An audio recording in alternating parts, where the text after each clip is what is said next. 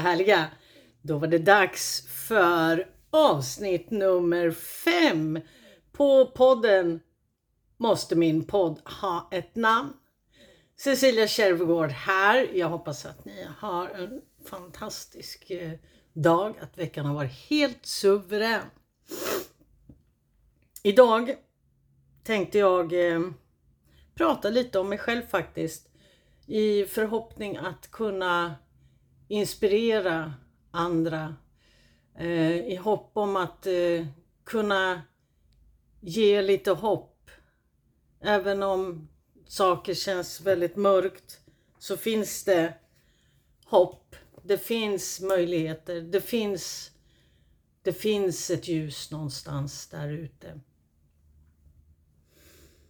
Min bror har sagt till mig flera gånger att eh, du syrran, du borde verkligen skriva en bok om ditt liv. Jaha. Ja, jag fattar inte, säger han, hur, du, hur det kan gå så bra för dig. Eh, med tanke på hur livet har varit för dig. Det har inte varit bussigt. Mattan har ryckts undan för dig och du reser dig upp. Och sen rycktes mattan undan igen och du reste dig upp. Och sen livet slog dig på käften och du reste dig. Och mattan rycktes undan och du reste dig. Jag fattar inte, sa han, hur du har tagit dig igenom allt och eh, är där du är idag.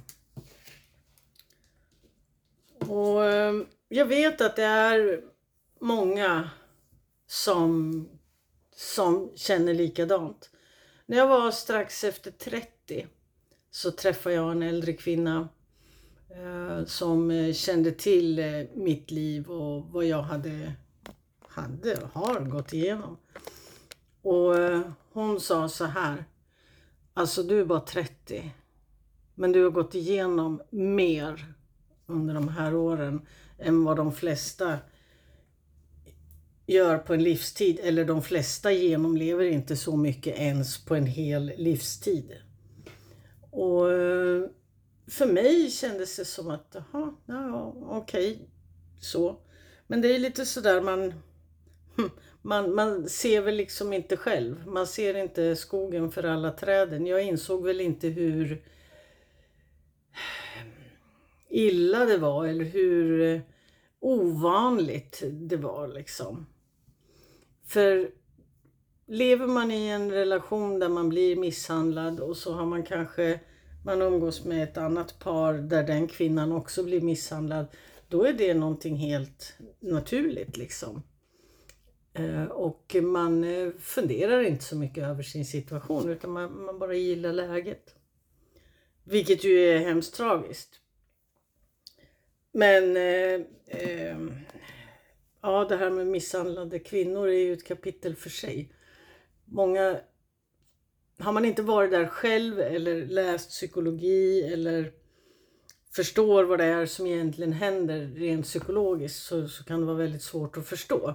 Ja, men varför stannar hon kvar när hon blir så illa behandlad? Men det, det är inte så att första dejten så, så blir hon supermisshandlad och hamnar på akuten. Utan det sker ju vad som kallas eh, för en normaliseringsprocess. Så att första slagen är inte alls egentligen slag utan det kan vara en liten knuff och det börjar väldigt, väldigt mjukt.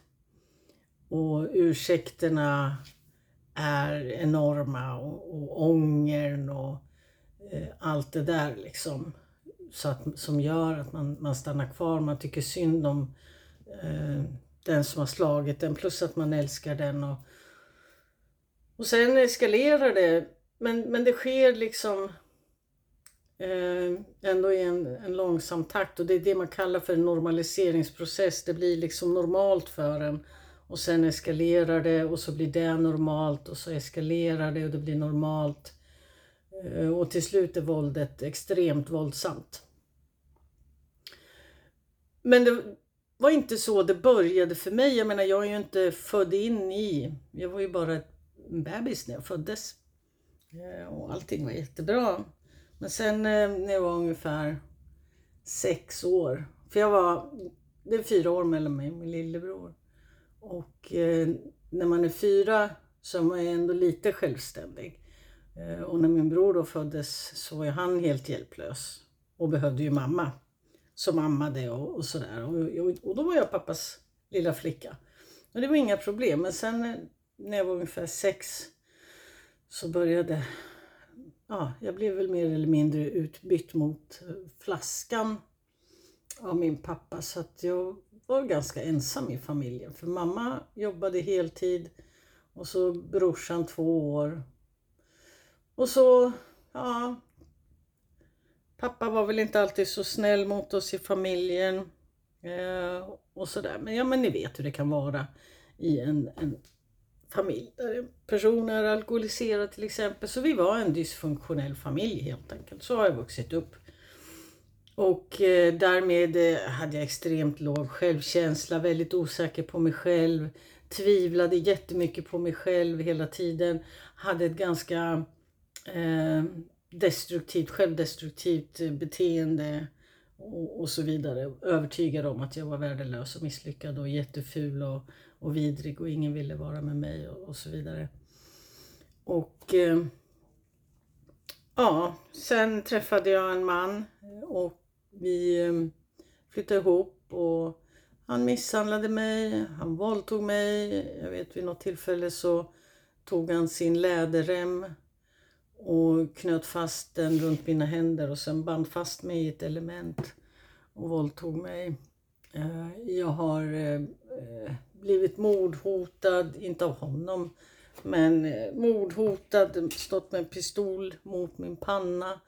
Jag har blivit utsatt för psykisk tortyr i tre år.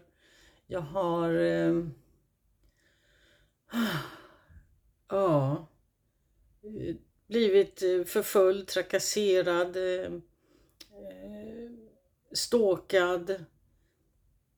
Ja, det, det är väl ungefär det. Så. Och sen haft extremt dålig ekonomi om man nu kan räkna med det. Ni vet sådär när Kronofogden knackar på dörren var och varannan vecka och man har klippkort på varenda eh, inkassobolag. Och den delen var ju inte heller så himla rolig. Men jag har upplevt det i alla fall. Jag har upplevt väldigt, väldigt, väldigt mycket. Ehm, och det som, som gör att jag är det är idag, det är det som är det som är det absolut mest intressanta. För alltså under Alltså jag hamnar ju hela tiden i någon form av destruktiva relationer. Och det behöver ju inte vara kärleksrelationer utan vänskapsrelationer och ja, men alla jag umgicks med och, och, så vidare var ju på något sätt, det, det var ju bara att supa och, och sådana grejer liksom. Typ.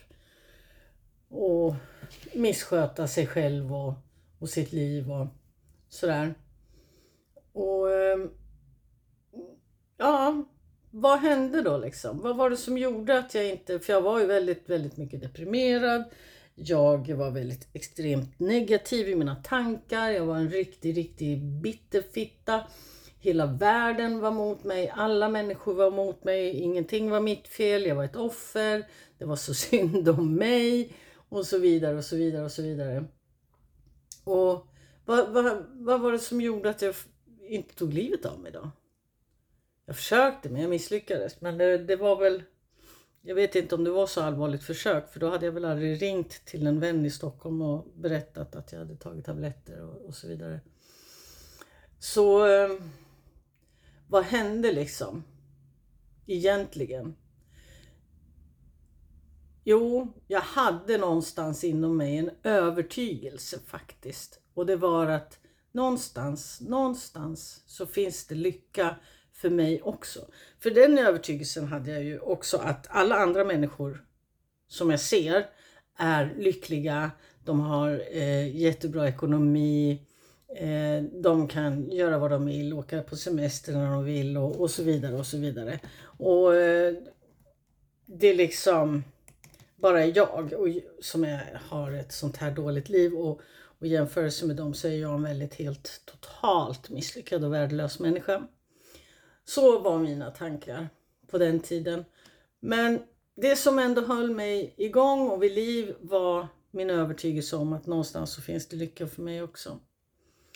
Och ehm, till slut så hade jag tagit mig ur en eh, eh, destruktiv relation. Det var inte fråga om misshandel och sådär, eh, men den var destruktiv.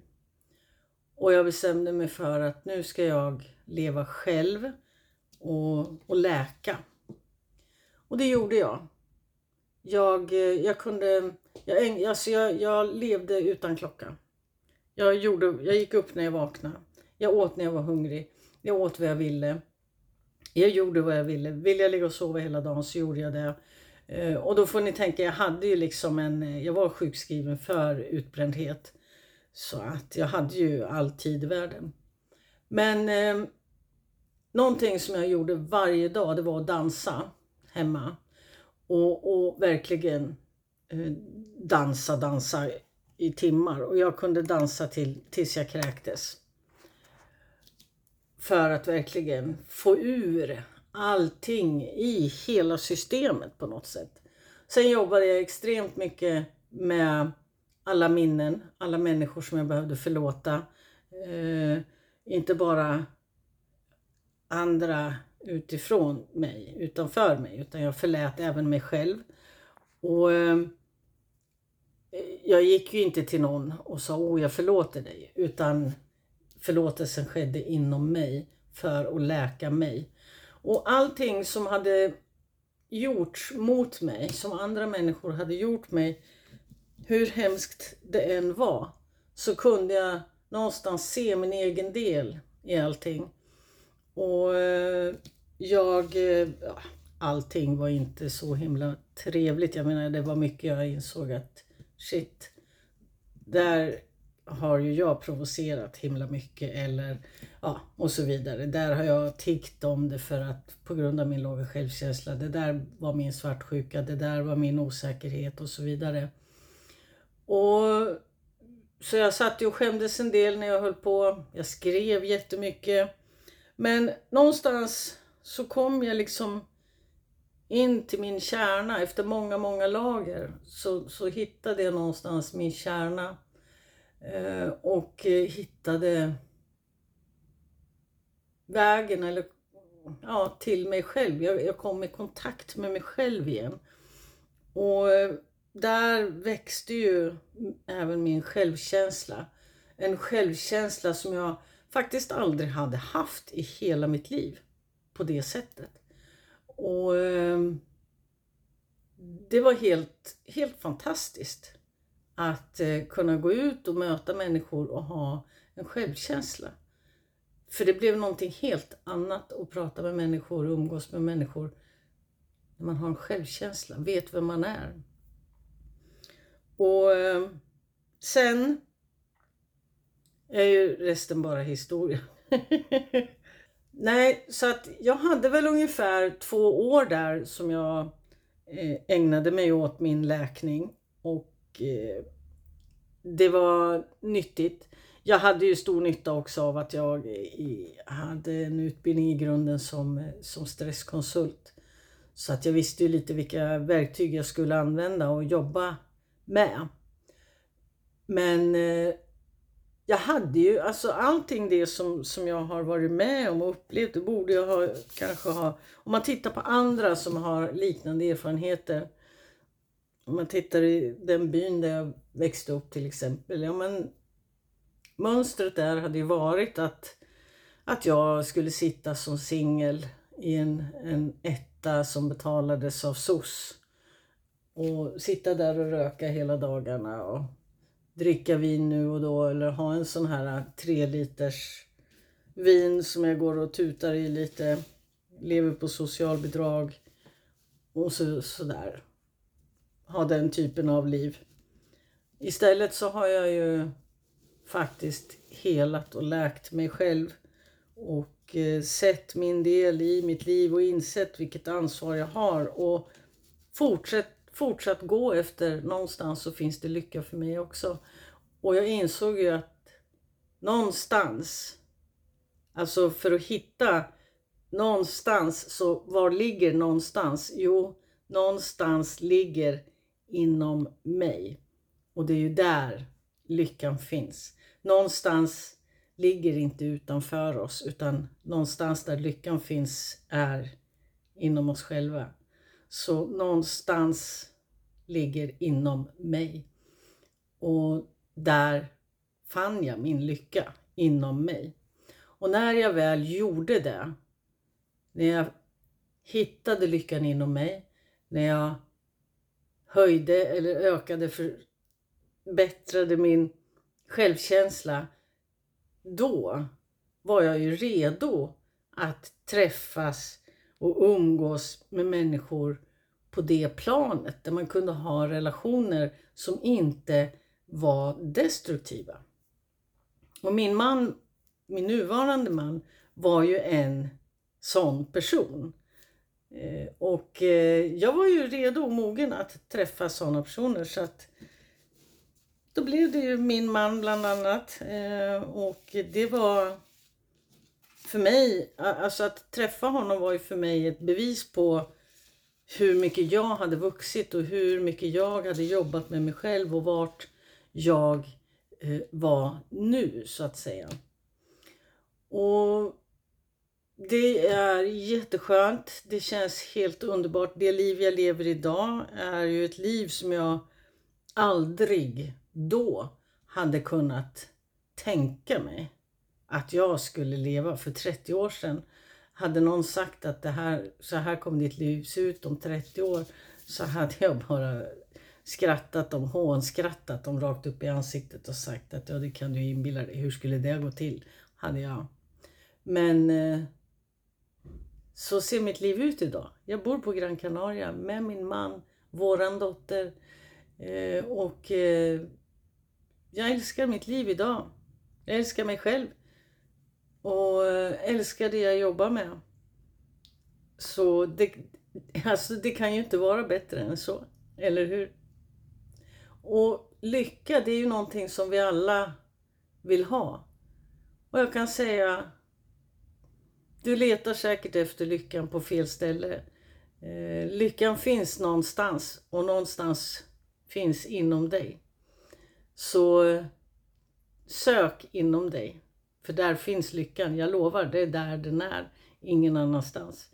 För lyckan ligger inte i materiella ting eller platser eller eh, andra människor eller någonting. Utan lyckan, den, den finns inom en. Lycka är en känsla. Och det är bara att eh, gräva bort löklagren så hittar man lyckan. Ja, jag eh, hoppas att det här gav dig någonting att tänka på. Så kom ihåg, någonstans finns lyckan och någonstans ligger inom dig. Tack så jättemycket. Vi hörs nästa vecka. Det här var Cecilia Kärvegård. Hej då!